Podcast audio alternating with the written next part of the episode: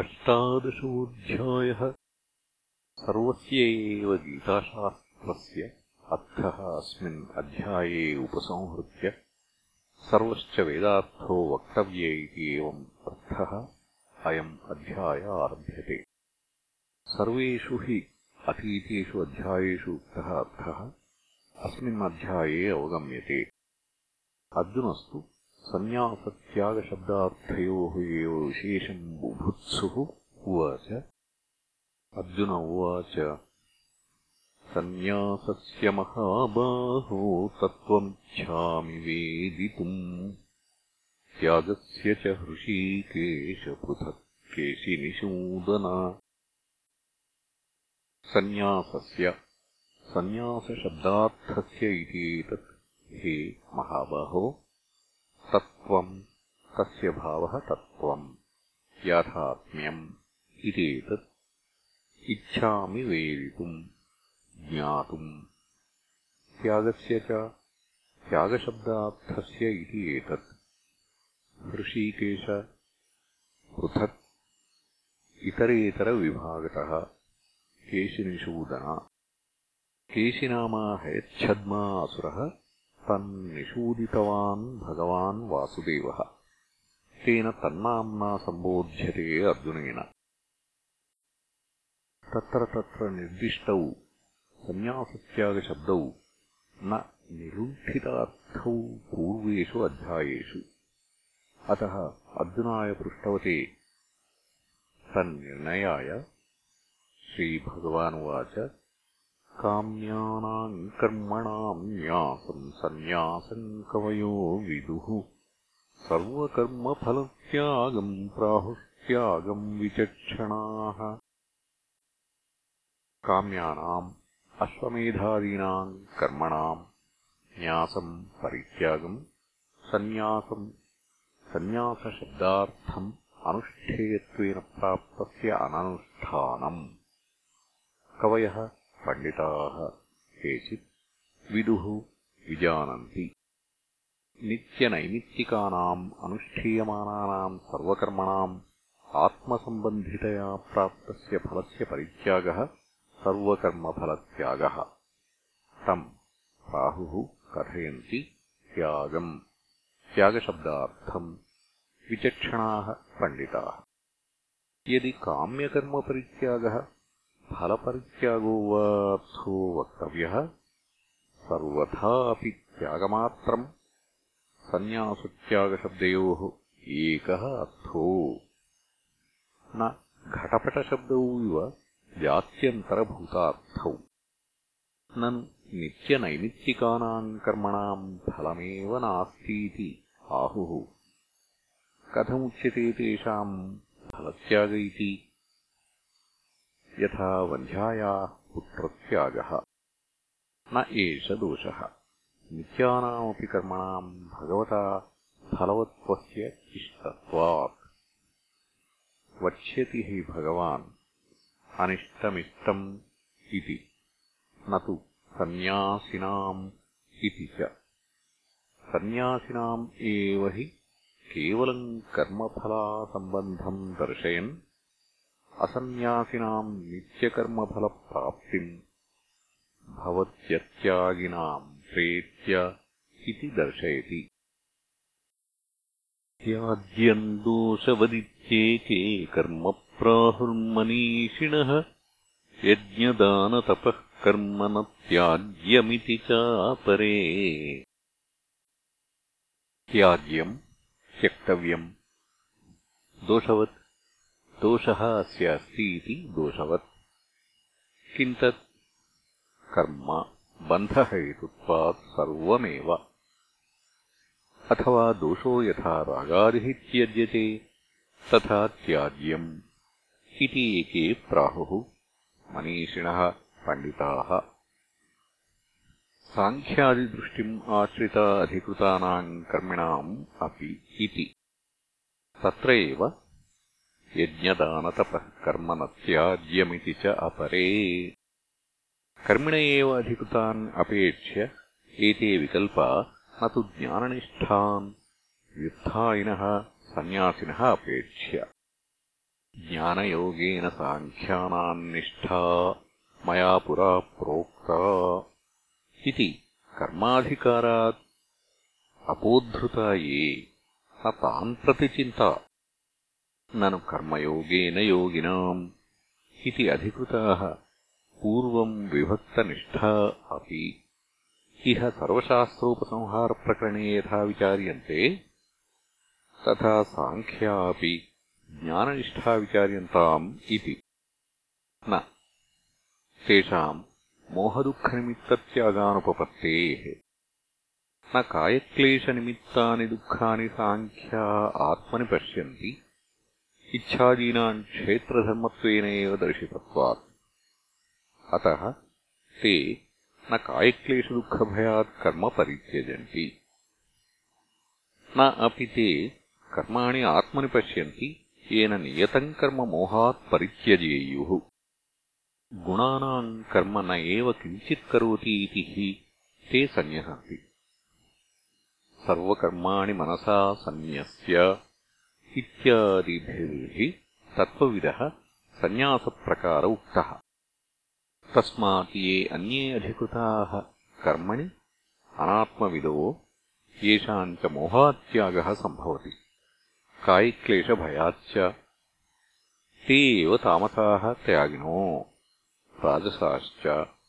इति निन्द्यन्ते कर्मिणाम् अनात्मज्ञानाम् कर्मफलत्यागस्तुत्यर्थम् सर्वारम्भपरित्यागी। मौनी। सन्तुष्टो येन केनचित्। अनिकेतः स्थिरमतिः।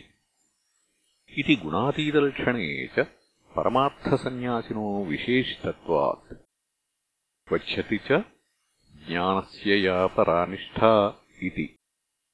तस्मात् ज्ञाननिष्ठाः सन्न्यासिनो न इह विवक्षिताः कर्मफलत्याग एव सात्विकत्वेन गुणेन तामसत्वाद्यपेक्षया सन्न्यास उच्यते।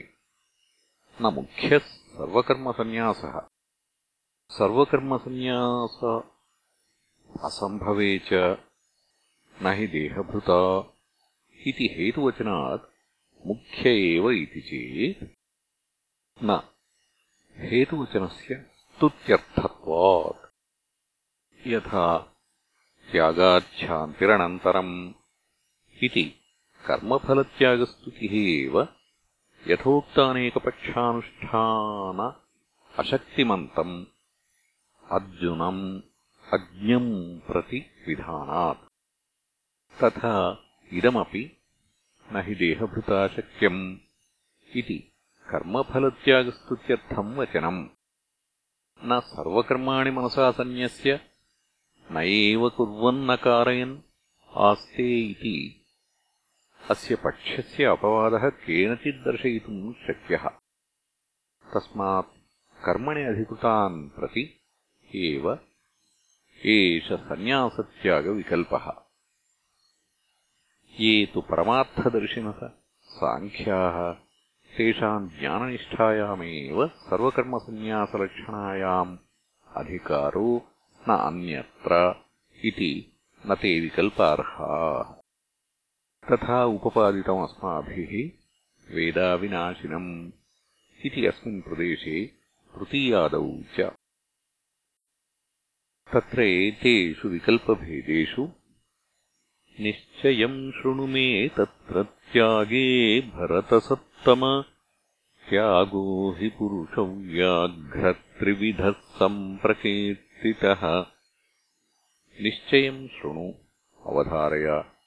मे मम वचनात् तत्र त्यागे त्यागसन्न्यासविकल्पे यथा दर्शिते। भरतसत्तम। भरतानाम् साधुतम। त्यागो हि त्यागसन्न्यासशब्दवाक्यो हि यः अर्थः स एक एव इति अभिप्रेत्य आह त्यागो हि इति। पुरुषव्याघ्र त्रिविधः, त्रिप्रकारः, तामसादिप्रकारैः सम्प्रकीर्तितः, शास्त्रेषु सम्यक् कथितः। यस्मात् तामसादिभेदेन त्यागसन्न्यासशब्दवाच्यः अर्थः अधिकृतस्य कर्मिणः अनात्मज्ञस्य त्रिविधः सम्भवति न परमार्थदर्शिन इति। अयमर्थो दुर्ज्ञानः तस्मात् अत्र तत्त्वम् न अन्यो वक्तुम् समर्थः। तस्मात् निश्चयम् परमार्थशास्त्रार्थविषयम् अध्यवसायम् ऐश्वरम् शृणु। कः पुनः असौ निश्चय इति अताः? यज्ञदानतपः कर्म न त्याज्यम् कार्यमेव तत् यज्ञो दानम् तपश्चैव पावनानि मनीषिणाम्। यज्ञो दानम् तप इति एतत् त्रिविधम् कर्म। न त्याज्यम् न त्यक्तव्यम् कार्यम् करणीयम् एव तत्। कस्मात् यज्ञो दानम् तपश्च एव पावनानि। विशुद्धिकारणानि। मनीषिणाम् फलानभिसन्धीनाम् इति एतत्। एतान्यपि तु कर्माणि सङ्गम् त्यक्त्वा फलानि च कर्तव्यानीति मे पार्थनिश्चितम् मतमुत्तमम्। एतानि अपि तु कर्माणि यज्ञदानतपांसि पावनानि उक्तानि सङ्गम् आसक्तिम् तेषु त्यक्त्वा फलानि च तेषाम् त्यक्त्वा परित्यज्य कर्तव्यानि इति अनुष्ठेयानि इति मे मम निश्चितम् मतम् उत्तमम् निश्चयम् शृणु मे तत्र इति प्रतिज्ञाय पावनत्वम् च हेतुम् उक्त्वा एतानि अपि कर्माणि कर्तव्यानि इति एतत् निश्चितम् मतम् उत्तमम् इति प्रतिज्ञातार्थोपसंहार एव न अपूर्वार्थम् वचनम् एतानि अपि इति प्रकृतसन्निकृष्टार्थतोपपत्तेः सासङ्गस्य फलार्थिनो बन्धहेतव एतानि अपि कर्माणि मुमुक्षोः कर्तव्यानि इति अपि शब्दस्य अर्थो न तु अन्यानि कर्माणि अपेक्ष्य एतानि अपि इति उच्यते అన్యే వర్ణయంతి నిత్యానాం కర్మణాం ఫలాభావాత్ సంగం త్యక్వా ఫలాని చ ఇది న ఉపపద్యతే ఏతాని అపీతి యాని కామ్యాని కర్మాణి నిత్యేభ్యః అన్యాని ఏతాని అపి కర్తవ్యాని కిముత యజ్ఞదానతపాంసి నిత్యానీతి తదసత్ నిత్యానాం అపి కర్మణాం फलवत्त्वस्य उपपादितत्वात् यज्ञोदानन्तपश्चैव पावनानि इत्यादिवचनेन। नित्यानि अपि कर्माणि बन्धहेतुत्वाशङ्कया जिहासोः मुमुक्षोः। कुतः? काम्येषु प्रसङ्गः? दूरेण ह्यवरम् कर्म इति च निन्दितत्वात्। यज्ञार्थात् कर्मणोऽन्यत्र इति च काम्यकर्मणाम् बन्धहेतुत्वस्य निश्चितत्वात्। त्रैगुण्यविषया वेदाः त्रैविद्यामान् सोमपाः क्षीणे पुण्ये मत्यलोकम् विशन्ति इति च दूरव्यवहितत्वाच्च न काम्येषु एतानि अपीति व्यपदेशः। तस्मात् अज्ञस्य अधिकृतस्य मुमुक्षोः। नियतस्य तु सन्न्यासः कर्मणो नोपपद्यते। मोहात्तस्य परित्यागस्तामसः परिकीर्तितः। नियतस्य तु नित्यस्य सन्न्यासः परित्यागः। कर्मणो न उपपद्यते। अज्ञस्य पावनत्वस्य इष्टत्वात्। मोहात् अज्ञानात्। तस्य नियतस्य परित्यागः। नियतम् च अवश्यम् कर्तव्यम् त्यज्यते च इति विप्रतिषिद्धम्। अतो मोहनिमित्तः परित्यागः तामसः परिकीर्तितो मोहश्च तम इति। किञ्च दुःखमित्येव यत्कर्मकायक्लेशभयात् त्यजेत् स कृत्वा राजसन्त्यागम् नैव त्यागफलम् लभेत्। दुःखम् इत्येव यत्कर्मकायक्लेशभयात् शरीरदुःखभयात् त्यजेत् परित्यजेत्। स कृत्वा राजसम् रजोनिर्वृतम् त्यागम् न एव त्यागफलम् ज्ञानपूर्वकस्य सर्वकर्मत्यागस्य फलम् मोक्षाख्यम् न लभेत् न एव लभते। कः पुनः सात्विकः त्यागः? कार्यमित्येव यत्कर्म नियतम् क्रियते अर्जुन सङ्गम् त्यक्त्वा फलम् चैव सत्यागः सात्विको मतः। कार्यम् कर्तव्यम् इति एव यत्कर्म नियतम् नित्यम् क्रियते निर्वर्त्यते। हे अर्जुन सङ्गम् त्यक्त्वा फलम् च एव। नित्यानाम् कर्मणाम् फलवत्वे भगवद्वचनम् प्रमाणम् अवोचाम। अथवा यद्यपि फलम् न श्रूयते नित्यस्य कर्मणः तथापि नित्यम् कर्म कृतम् आत्मसंस्कारम् प्रत्यवायपरिहारम् वा फलम् करोति आत्मन इति कल्पयत्येव अज्ञः तत्र तामपि कल्पनान् निवारयति फलम् त्यक्त्वा इति अनेन। अतः साधूक्तम् सङ्गम् त्यक्त्वा फलम् च इति। सत्यागो नित्यकर्मसु सङ्गफलपरित्यागः सात्विकः सत्त्वनिर्वृत्तो मतः अभिमतः। ननु कर्मपरित्यागः त्रिविधः सन्न्यास इति च प्रकृतः। तत्र तामसो राजसश्च उक्तः। त्यागः कथमिह? सङ्गफलत्यागः। तृतीयत्वेन उच्यते। यथा त्रयो ब्राह्मणागताः तत्र षडङ्गविदौ द्वौ क्षत्रियः तृतीय इति। तद्वत् एष दोषः। त्यागसामान्येन स्थित्यर्थत्वात्। अस्ति हि कर्मसन्न्यासस्य फलाभिसन्धित्यागस्य च त्यागत्वसामान्यम् तत्र राजसतामसत्वेन कर्मत्यागनिन्दया कर्मफलाभिसन्धित्यागः सात्विकत्वेन श्रूयते सत्यागसात्विको मतः इति यस्तु अधिकृतः सङ्गम् त्यक्त्वा फलाभिसन्धिम् च नित्यम् कर्म करोति तस्य फलरागादिना अकलुषीक्रियमाणम् अन्तःकरणम् नित्यैश्च कर्मभिः संस्क्रियमाणम् विशुध्यति विशुद्धम् प्रसन्नम् आत्मालोचनक्षमम् भवति तस्य एव नित्यकर्मानुष्ठाने न विशुद्धान्तःकरणस्य आत्मज्ञानाभिमुखस्य क्रमेण यथा तन्निष्ठा स्यात् तद्वक्तव्यम् इति आह। न द्वेष्ट्यकुशलम् कर्म कुशलेनानुषज्यते त्यागी सत्त्वसमाविष्टो मेधावी छिन्नसंशयः।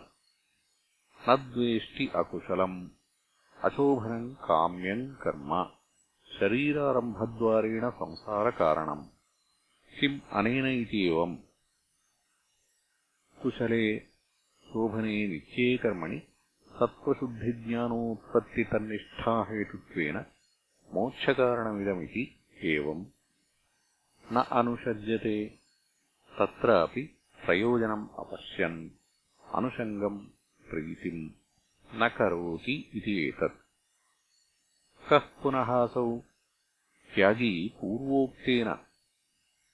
सङ्गफलपरित्यागेन तद्वान् त्यागी। यः कर्मणि सङ्गम् त्यक्त्वा तत्फलम् च नित्यकर्मानुष्ठायी स त्यागी कदा पुनः असौ? अकुशलम् कर्म न द्वेष्टि कुशले च न अनुषज्यते इति उच्यते। सत्त्वसमाविष्टो यदा सत्त्वेन आत्मात्मविवेकविज्ञानहेतुना समाविष्टः सव्याप्तः संयुक्त इति एतत् अत एव च मेधावी मेधया आत्मज्ञानलक्षणया प्रज्ञया संयुक्तः तद्वान् मेधावी मेधावित्वादेव छिन्नसंशयः छिन्नः अविद्याकृतः संशयो यस्य आत्मस्वरूपावस्थानम् एव परम् निःश्रेयससाधनम् न अन्यत् किञ्चित् इति एवम् निश्चयेन छिन्नसंशयः यः अधिकृतः पुरुषः पूर्वोक्तेन प्रकारेण कर्मयोगानुष्ठानेन क्रमेण संस्कृतात्मा सन् जन्मादिविक्रियारहितत्वेन निष्क्रियम् आत्मानम् आत्मत्वेन सम्बुद्धः सः सर्वकर्माणि मनसा सन्न्यस्य नैव कुर्वन्न कारयन् आसीनः नैष्कर्म्यलक्षणाम् ज्ञाननिष्ठाम् अश्नुते इति एतत् पूर्वोक्तस्य कर्मयोगस्य प्रयोजनम् अनेन श्लोकेन उक्तम् यः पुनः अधिकृतः सन् देहात्माभिमानित्वेन देहभृत् अज्ञः अबाधितात्मकर्तृत्वविज्ञानतया अहम् कर्ता इति निश्चितबुद्धिः। तस्य अशेषकर्मपरित्यागस्य अशक्यत्वात् कर्मफलत्यागेन चोदितकर्मानुष्ठाने एव अधिकारो। न तत् त्यागी इति अर्थम् दर्शयितुमाह। न हि देहभृता शक्यम् त्यक्तुम् कर्माण्यशेषतः। यस्तु कर्मफलत् कर्मफलत्यागी सत्यागीत्यभिधीयते न हि यस्मात् देहभृता देहम् बिभर्तीति देहभृत्। देहात्माभिमानवान् देहभृत् उच्यते। न हि विवेकी स हि वेदाविनाशिनम् इत्यादिना कर्तृत्वाधिकारात् निवर्तितः। अतः तेन देहभृता अज्ञेन न शक्यम् त्यक्तुम् सन्न्यसितुम् कर्माणि। अशेषतो निःशेषेण। कस्मात् यस्तु अज्ञः अधिकृतो नित्यानि कर्माणि कुर्वन् कर्मफलत्यागी। कर्मफलाभिसन्धिमात्रसन्न्यासी। स त्यागीति अभिधीयते। कर्मेऽपि सन् इति स्तुत्यभिप्रायेण तस्मात् परमार्थदर्शिना एव अदेहभृता देहात्मभावरहितेन अशेषकर्मसन्न्यासः शक्यते कर्तुम्। किम् पुनः तत्प्रयोजनम् यत् सर्वकर्मपरित्यागात् स्यात् इति उच्यते। अनिष्टमिष्टम् मिश्रम् च त्रिविधम् कर्मणः फलम् भवत्यत्यागिनाम् प्रेत्य न तु सन्न्यासिनाम् क्वचित् अनिष्टम् नरकतिर्यगादिलक्षणम् इष्टम् देवादिलक्षणम् मिश्रम् इष्टानिष्टसंयुक्तम् मनुष्यलक्षणम् च एवम् त्रिविधम् त्रिप्रकारम् कर्मणो धर्माधर्मलक्षणस्य फलम् బాహ్యానేకకారకవ్యాపారనిష్పన్నం సత్ అవిద్యాకృతం ఇంద్రజాలమాయోపమం మహామోహకరం ప్రత్యగాత్మోపసత్తి ఇవ ఫల్గుతయాలయం అదర్శనం గచ్చతీతి ఫలం ఇది ఫల ఫలనిర్వచనం తదేతదేవన్లక్షణం ఫలం భవతి అత్యాగినాం అజ్ఞానాంకర్మిణాం అపరమార్థసన్యాసినాం.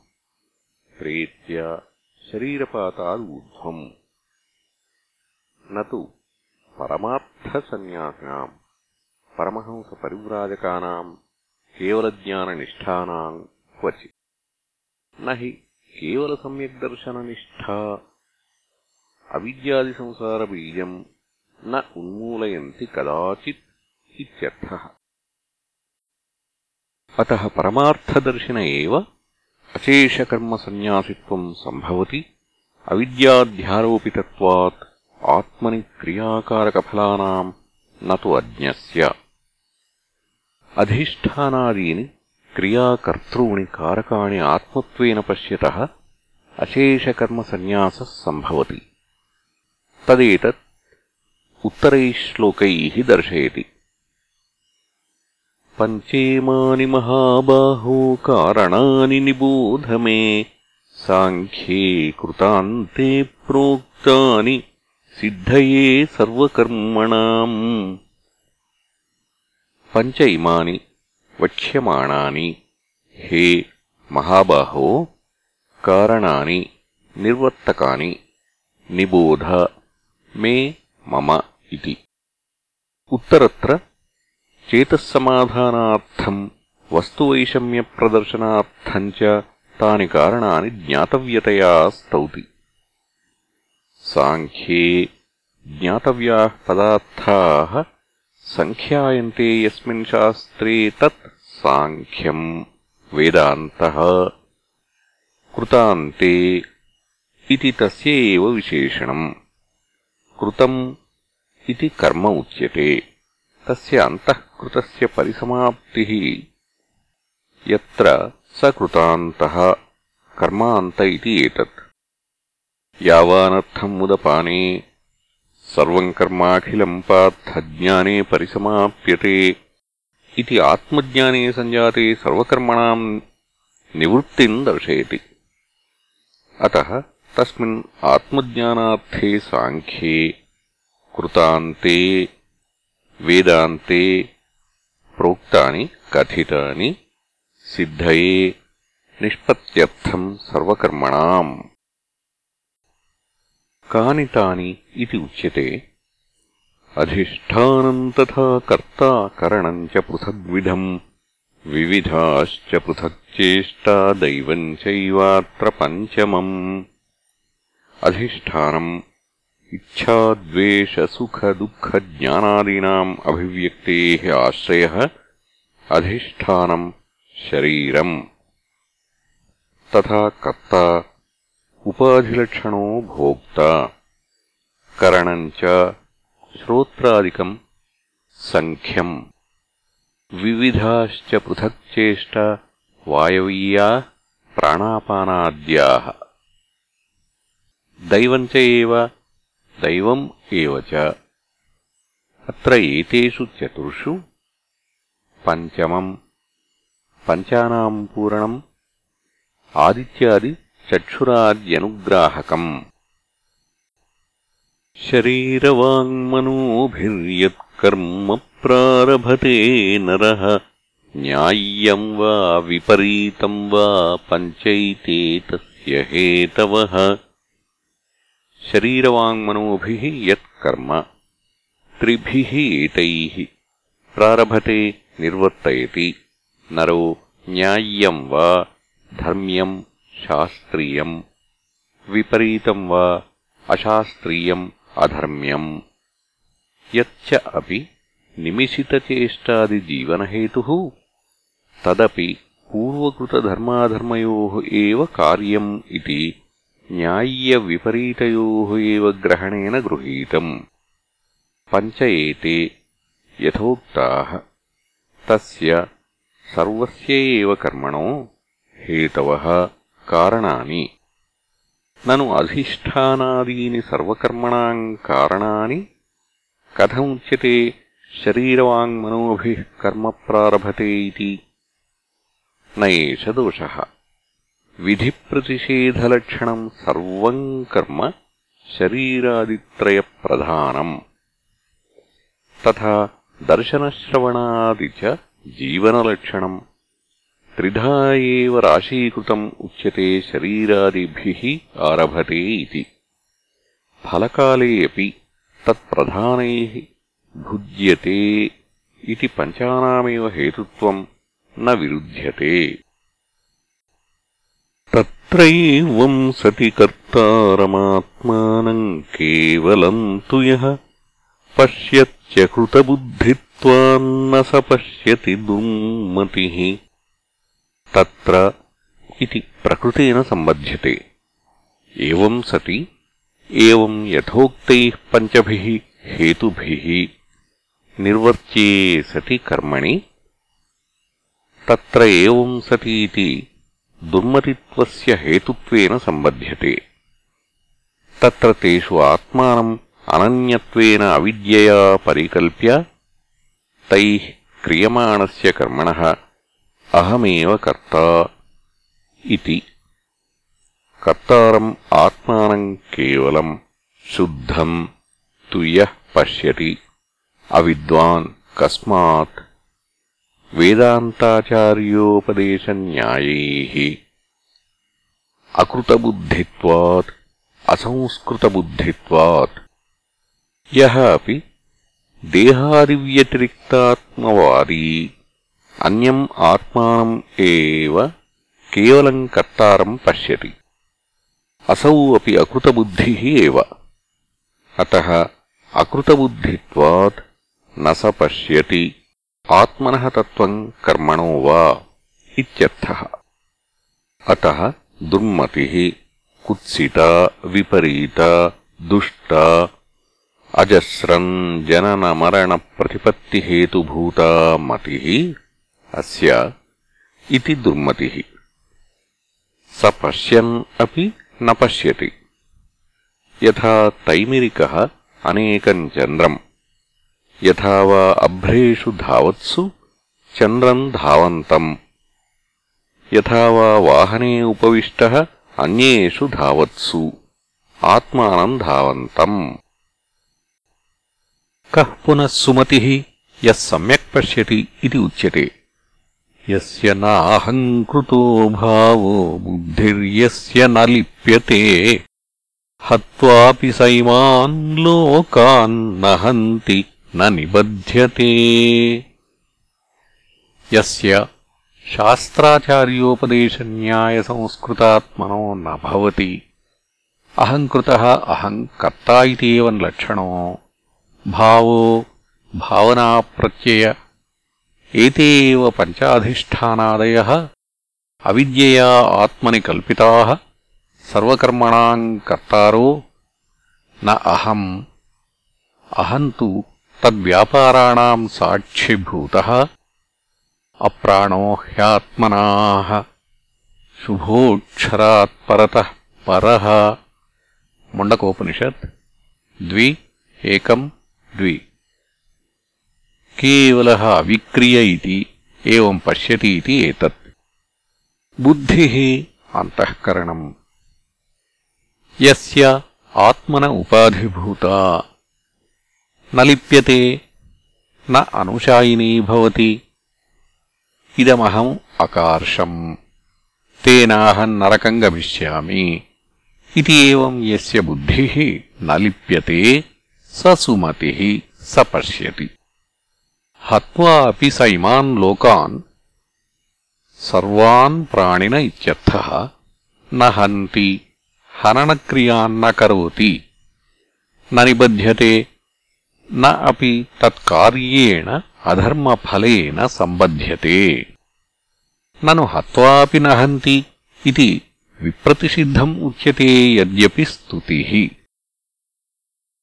న ఏష దోషः. లౌకికపారమార్థికదృష్ట్యపేక్షయా తదుపపత్తేः.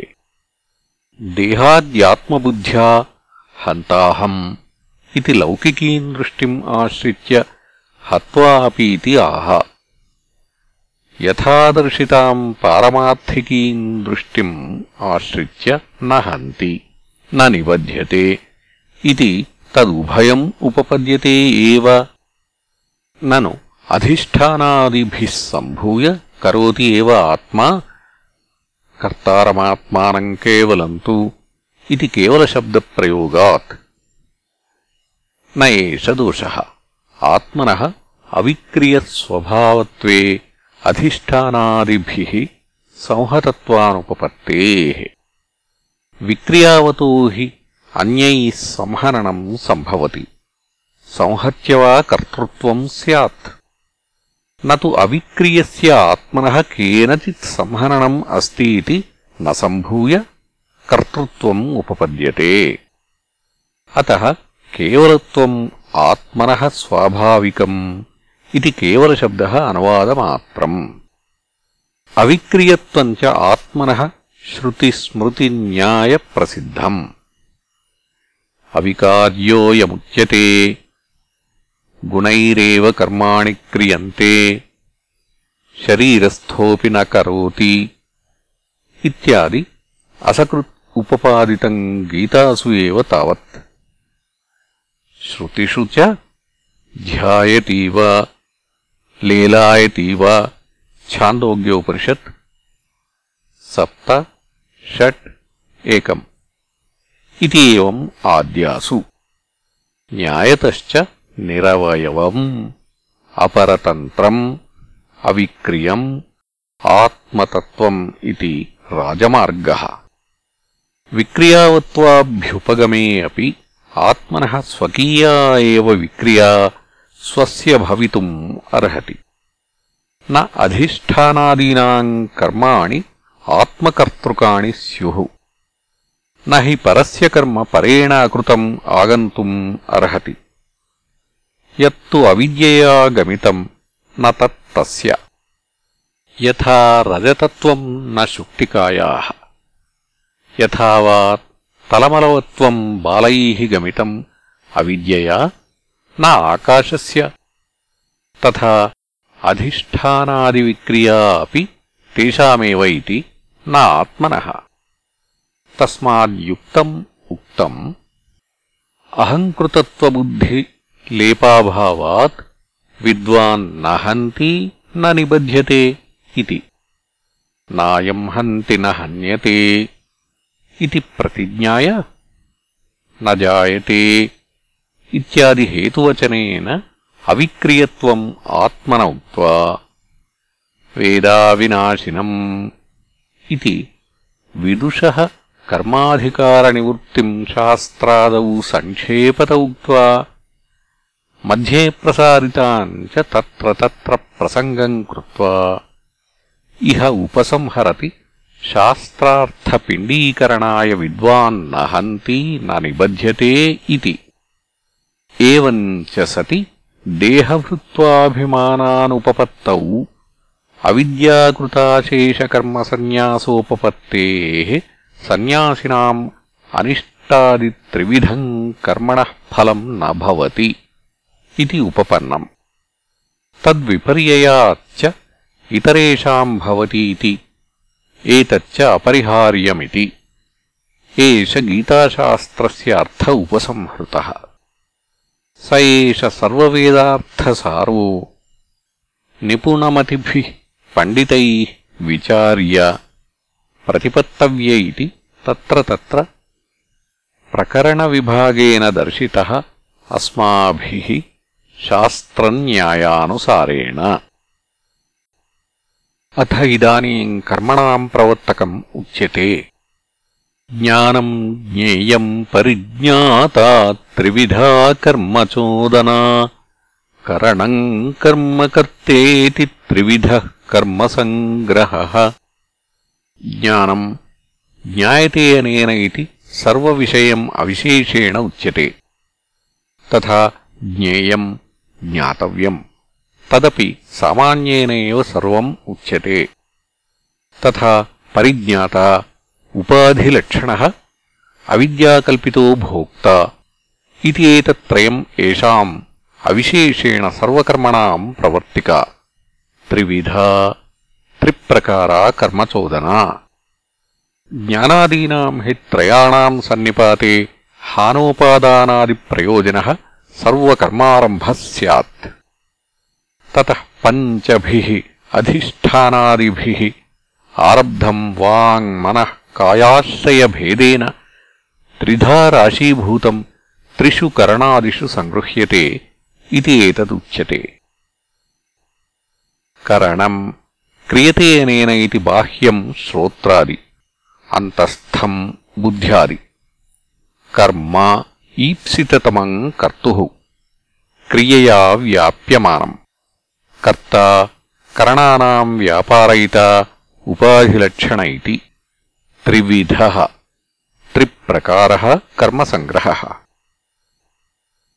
సంగృహ్యతే అస్మిన్ ఇది సంగ్రహ కర్మణ సంగ్రహ కర్మసంగ్రహ కర్మ ఏషు హి త్రిషు సమవైతి తేనాయన్ త్రివిధ కర్మసంగ్రహ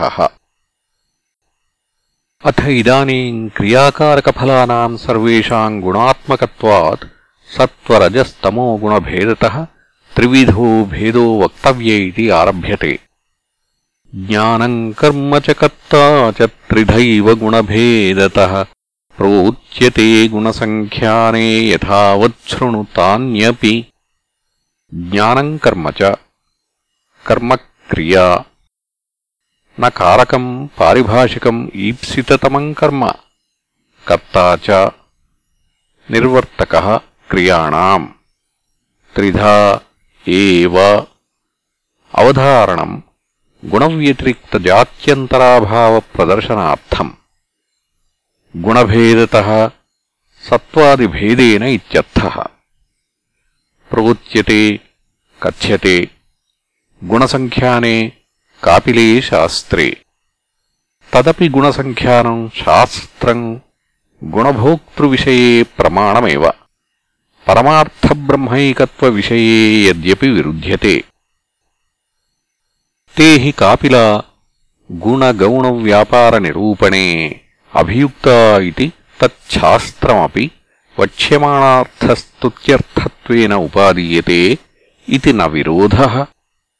యథావత్ యథాన్యాయం యథాశాస్త్రం శృణు తాని అపి జ్ఞానాదీని తద్భేదజాతాని గుణభేదకృతాని శృణు. వక్ష్యమాణే అర్థే మనస్సమాధిం కురు ఇత్యర్థ. జ్ఞానస్య తు తావత్ త్రివిధత్వం ఉచ్యతే. సర్వభూతేషు ఏనైకం భావమవ్యయమీక్షతే. అవిభక్తం విభక్తు తజ్ఞానం విద్ధి సాత్వికం. సర్వభూతేషు అవ్యక్తాదిస్థావరాంతేషు భూతేషు జ్ఞానేన ఏకం భావం వస్తు భావశబ్దో వస్తువాచి ఏకం ఆత్మవస్తు ఇత్యర్థ. అవ్యయం न व्येति स्वात्मना धर्मैः वा कूटस्थनित्यम् इत्यर्थः ईक्षते येन ज्ञानेन पश्यति तम् च भावम् अविभक्तम् प्रतिदेहम् विभक्तेषु देहभेदेषु न विभक्तम् तदात्मवस्तु व्योमवत् निरन्तरम् इत्यर्थः तत् ज्ञानम् अद्वैतात्मदर्शनम् సాత్వికం సమ్యగ్దర్శనం విద్ధి ఇది. యాని ద్వైతదర్శనాని అసమ్యగ్భూతాని రాజసాని తామసాని చైతి న సాక్షాత్ సంసారోచ్ఛిత్తయే భవంతి. పృథక్వేన తు యజ్ఞానం నానాభావాన్ పృథగ్విధాన్ వేత్తి సర్వేషు భూతేషు. తజ్ఞానం విద్ధి రాజసం. పృథక్త్వేన తు భేదేన ప్రతిశరీరం అన్యత్వేన యజ్ఞానం నానాభావాన్ భిన్నాన్ ఆత్మన పృథగ్విధాన్ పృథక్ప్రకారాన్ భిన్నలక్షణాన్ ఇత్యర్థ. వేత్తి విజానాతి యజ్ఞానం సర్వేషు భూతేషు జ్ఞానస్య కర్తృత్వాసంభవాత్ ఏన జ్ఞానేన వేత్తి ఇత్యర్థః. తజ్ఞానం విద్ధి రాజసం రజో నిర్వృత్తం. యత్తు కృత్స్నవదేకస్మిన్ కార్యే సక్తమహైతుకం అతత్వార్థవదల్పం చ తత్తామసముదాహృతం. యత్తు జ్ఞానం कृत्स्नवत् समस्तवत् सर्वविषयम् इव एकस्मिन् कार्ये देहे बहिर्वा प्रतिमादौ सक्तम् एतावानेव आत्मा ईश्वरो वा न अतः परमस्ति इति यथा नग्नक्षपणकादीनाम् शरीरानुवर्ती देहपरिमाणो जीव ईश्वरो वा पाषाणदार्वादिमात्र इति एवम् एकस्मिन् कार्ये తమ్ అహైతుకం హేతువర్జితం నిర్యుక్తికం అతత్వార్థవత్ యథాభూత యథాభూతార్థ తత్వార్థ సహ అస్య జ్ఞేయభూత అస్తి ఇది తత్వార్థవత్ న తత్వార్థవత్ అతత్వార్థవత్ అహేతుకత్వాదేవ అల్పంచ అల్పవిషయత్వాత్ అల్పఫలత్వాద్వా. తత్తామసం ఉదాహృతం. తామసానాం హి ప్రాణినాం అవివేకినాం ఈదృశం జ్ఞానం దృశ్యతే. అథ కర్మణ త్రైవిధ్యం ఉచ్యతే. నియతం సంగరహితమరాగద్వేషత కృతం అఫలప్రేప్సునా కర్మయత్తత్ సాత్వికముచ్యతే. నియతం నిత్యం సంగరహితం ఆసక్తివర్జితం అరాగద్వేషతృతం రాగప్రయుక్తేన ద్వేషప్రయుక్తేన చ రాగద్వేషతృతం తద్విపరీతం కృతం అరాగద్వేషతృతం అఫలప్రేప్సున ఫలం ప్రేప్సతీతి ఫలప్రేప్సు ఫలతృష్ణ తద్విపరీతేన అఫలప్రేప్సునా కర్తాకృతం కర్మ యత్తత్ సాత్వికం ఉచ్యతే. యత్తు కామేప్సునా కర్మ సాహంకారేణ వా పునః క్రియతే బహుళాయాసం తద్రాజసముదాహృతం యత్తు కామేప్సునా ఫలప్రేప్సునా ఇత్యర్థ. కర్మ సాహంకారేణ వా? సాహంకారేణ ఇది న తత్వజ్ఞానాపేక్షయా. కిం తర్హి లౌకికశ్రోత్రియనిరహంకారాపేక్షయా. యో హి పరమార్థనిరహంకార ఆత్మవిత్ న తస్య కామేప్సుత్వ బహుళాయాసకర్తృత్వప్రాప్తి అస్తి. సాత్వికస్యాపి కర్మణ అనాత్మవిత్ సాహంకార కర్త. किम् उत राजसतामसयोः लोके अनात्मविदपि श्रोत्रियो निरहङ्कार उच्यते निरहङ्कारः अयम् ब्राह्मण इति तस्मात् तदपेक्षया एव साहङ्कारेण वा इति उक्तम् पुनः शब्दपादपूरणार्थः क्रियते बहुलायासम् कर्त्रा महतायासेन निर्वर्त्यते తత్ కర్మ రాజసం ఉదాహృతం. అనుబంధం క్షయం హింసామనపేక్ష పౌరుషం. మోహాదారభ్యతే కర్మ అనుబంధం పశ్చాద్భావియద్వస్తు సహ అనుబంధ ఉచ్యతే. తంచ అనుబంధం క్షయం యస్మిన్ కర్మణి క్రియమాణే శక్తిక్షయ అర్థక్షయో వా సత్ తమ్ క్షయం హింసా ప్రాణిపీడా అనపేక్ష్య పౌరుషం పురుషకారం శక్నోమీదం కర్మ సమాపయితుం ఇది ఏవం ఆత్మసామర్థ్యం ఇది ఏతాని అనుబంధాదీని అనపేక్ష్య పౌరుషాంతాని మోహాత్ अनपेक्ष्य पौरुषान्तानि मोहात् अविवेकत आरभ्यते कर्म यत् तत् तामसम् तमो निर्वृत्तम् उच्यते मुक्तसङ्गोऽनहम् वादी धृत्युत्साहसमन्वितः सिद्ध्यसिद्ध्योर्निर्विकारः कर्ता सात्विक उच्यते मुक्तसङ्गो ముక్తః పరిత్యక్తః సంగో ఏన సముక్తసంగః. అనహంవాది న అహంవదనశీలో ధృత్యుత్సాహసమన్వితో ధృతి ధారణం ఉత్సాహ ఉద్యమ తాభ్యాం సమన్విత సంయుక్తో ధృత్యుత్సాహసమన్విత సిద్ధ్యసిద్ధ్యో క్రియమాణస్య కర్మణ ఫలసిద్ధౌ అసిద్ధౌ చ సిద్ధ్యసిద్ధ్యోః. నిర్వికారः కేవలం శాస్త్రప్రమాణప్రయుక్తో న ఫలరాగాదినా యస్ స నిర్వికార ఉచ్యతే. ఏం భూత కర్త యహ స సాత్విక ఉచ్యతే. రాగీ కర్మఫలప్రేప్సుర్లుబ్ధో హింసాత్మకో శుచి.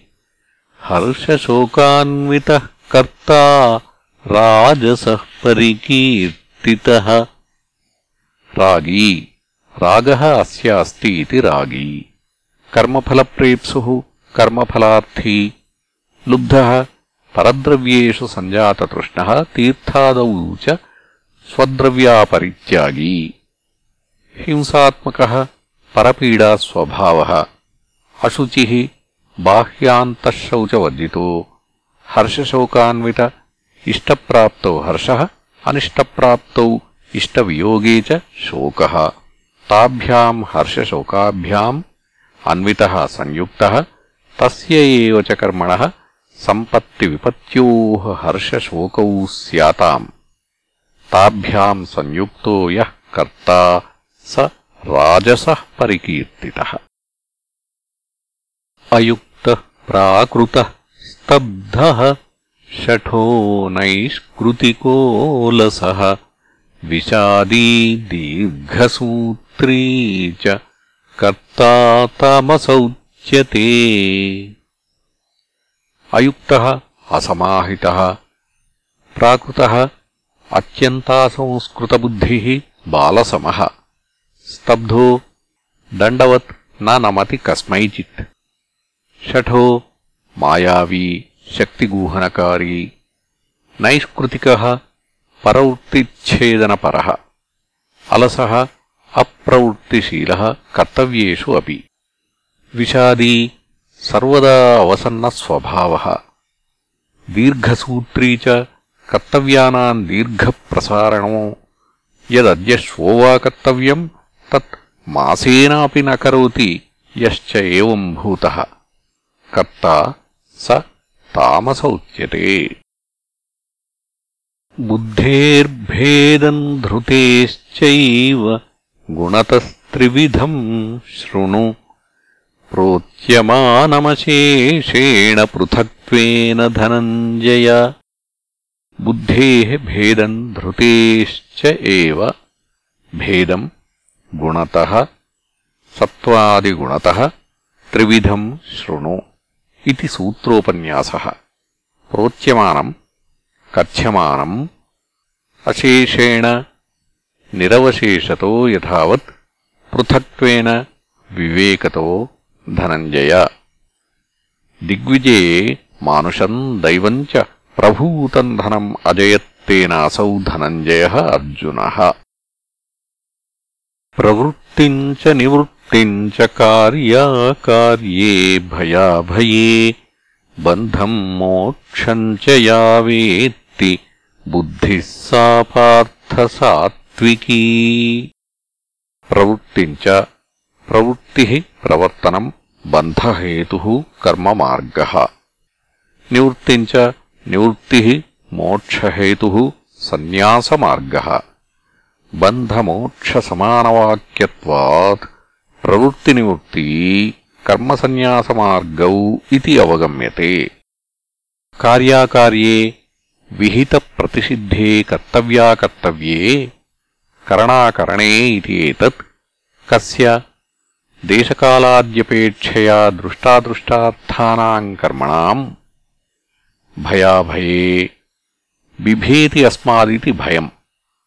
తద్విపరీతం అభయం. भयम् च अभयम् च भयाभये। दृष्टादृष्टविषययोः, भयाभययोः कारणे इत्यर्थः। बन्धम् सहेतुकम् मोक्षम् च सहेतुकम्। या वेत्ति विजानाति, बुद्धिः सा पार्थ सात्विकी। तत्र ज्ञानम् बुद्धेः वृत्तिः, बुद्धिस्तु वृत्तिमती। धृति अपि वृत्तिविशेष एव बुद्धेः। यया धर्ममधर्मम् च कार्यम् चाकार्यमेव च। अयथावत् प्रजानाति बुद्धिः सा पार्थराजसी। यया धर्मम् शास्त्रचोदितम्, अधर्मम् च तत्प्रतिषिद्धम्। कार्यम् च अकार्यमेव पूर्वोक्ते एव कार्याकार्ये। अयथावत् न यथावत् सर्वतो निर्णयेन। न प्रजानाति बुद्धिः, सा पार्थ राजसी। अधर्मम् धर्ममिति या मन्यते तमसावृता। सर्वार्थान् विपरीतांश्च बुद्धिः सा पार्थ तामसी।